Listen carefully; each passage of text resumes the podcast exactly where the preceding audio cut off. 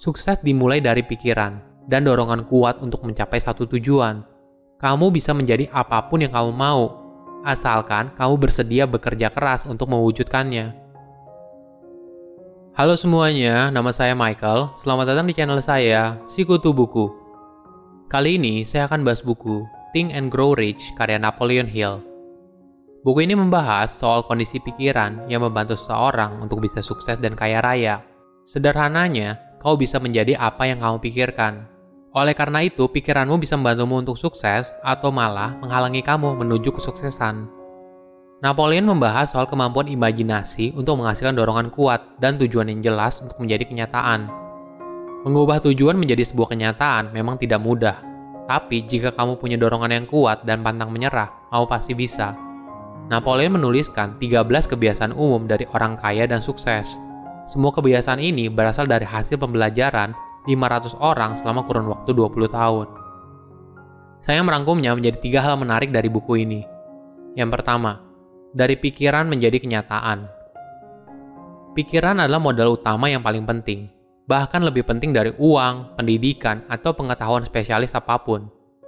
Jika seorang memiliki pikiran bahwa dia mampu menyelesaikan suatu tugas, dia sudah berada selangkah di depan menuju hasil akhir. Jadi, pikiran seperti apa yang bisa mendorong kita menuju kesuksesan? Napoleon menjabarkan pikiran yang dimaksud merupakan kombinasi dari inisiatif, keyakinan, keinginan untuk menang, dan ketahanan. Pikiran inilah yang bisa diubah menjadi kenyataan. Apa yang awalnya hanya ada di pikiran, suatu hari bisa menjadi kenyataan. Jika kita berpikir kalau kita akan jadi miliarder, pikiran ini tentu saja tidak langsung jadi kenyataan tapi dengan konsistensi, kita selangkah lebih dekat dengan tujuan kita. Sebelum seseorang sukses, dia pasti akan menemui beberapa kegagalan yang sifatnya sementara. Ketika dia gagal, tentu saja pilihan yang masuk akal adalah berhenti, dan itu yang dilakukan kebanyakan orang. Tapi, apakah kamu mau jadi seperti kebanyakan orang? Tadi kita sudah belajar bersama soal kemampuan pikiran. Bagaimana pikiran bisa menghasilkan kenyataan. Hal lain yang tidak kalah penting adalah imajinasi membayangkan apa yang awalnya tidak ada kemudian menjadi ada. Seperti yang dikatakan oleh Albert Einstein, imajinasi lebih penting daripada pengetahuan. Pengetahuan terbatas, sedangkan imajinasi yang mengelilingi dunia. Kita bisa menciptakan apa pun yang pikiran kita imajinasikan. Bayangkan, sebelum tahun 1900-an, tidak ada orang yang cukup waras untuk bermimpi bisa terbang di udara. Tapi saat ini, terbang di udara adalah hal yang sangat lumrah Kedua, dorongan kuat menjadi bahan bakar. Seberapa besar keinginan kamu untuk sukses? Tentu saja, setiap orang punya tujuan dan mimpi yang berbeda. Tapi, apakah kamu pernah bertanya hal ini ke dirimu? Mungkin ketika orang ditanya, ingin sukses nggak? Semua orang pasti dengan gampangnya bilang mau.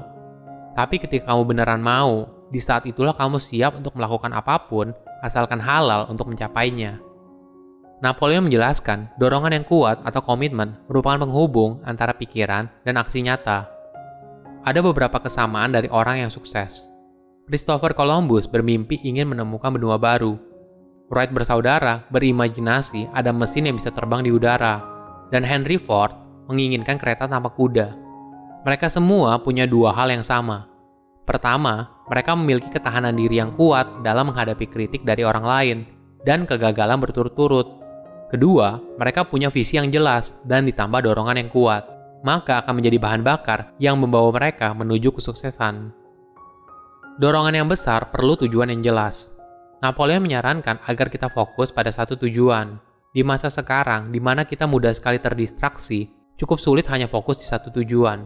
Bisa karena ketika ngejalanin terasa begitu berat, jadi mulai nggak percaya. Bisa juga karena muncul tujuan yang lebih menarik, Bila fokus pada satu tujuan saja tidak mudah, apalagi kita punya banyak tujuan. Ketika kita punya banyak tujuan, kita akan sangat sulit menemukan disiplin dan motivasi untuk mencapai semua tujuan yang dibuat. Apabila kita hanya fokus di satu tujuan, kita bisa melihat contohnya dari kehidupan seorang atlet. Bagi mereka, tujuan mereka adalah olahraga yang mereka tekuni, dan hanya itu yang jadi fokus mereka dalam berkarir.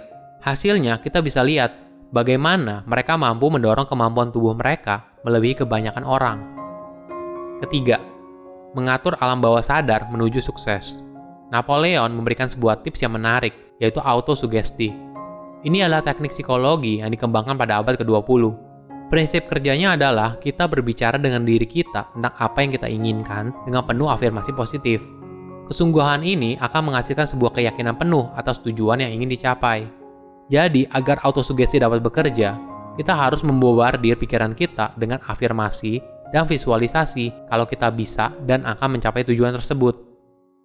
Kita harus buat diri kita merasa kalau kita sudah mencapainya, hingga semua hal tersebut terasa seperti kenyataan. Alam bawah sadar kita bekerja mirip seperti sebuah arsip.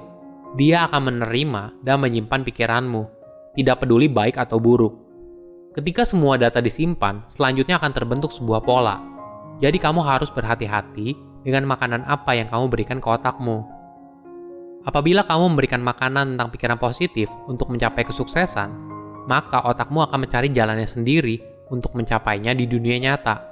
Hal yang sama akan berlaku dengan pikiran negatif alam bawah sadar akan bekerja sesuai dengan apa yang kamu perintahkan.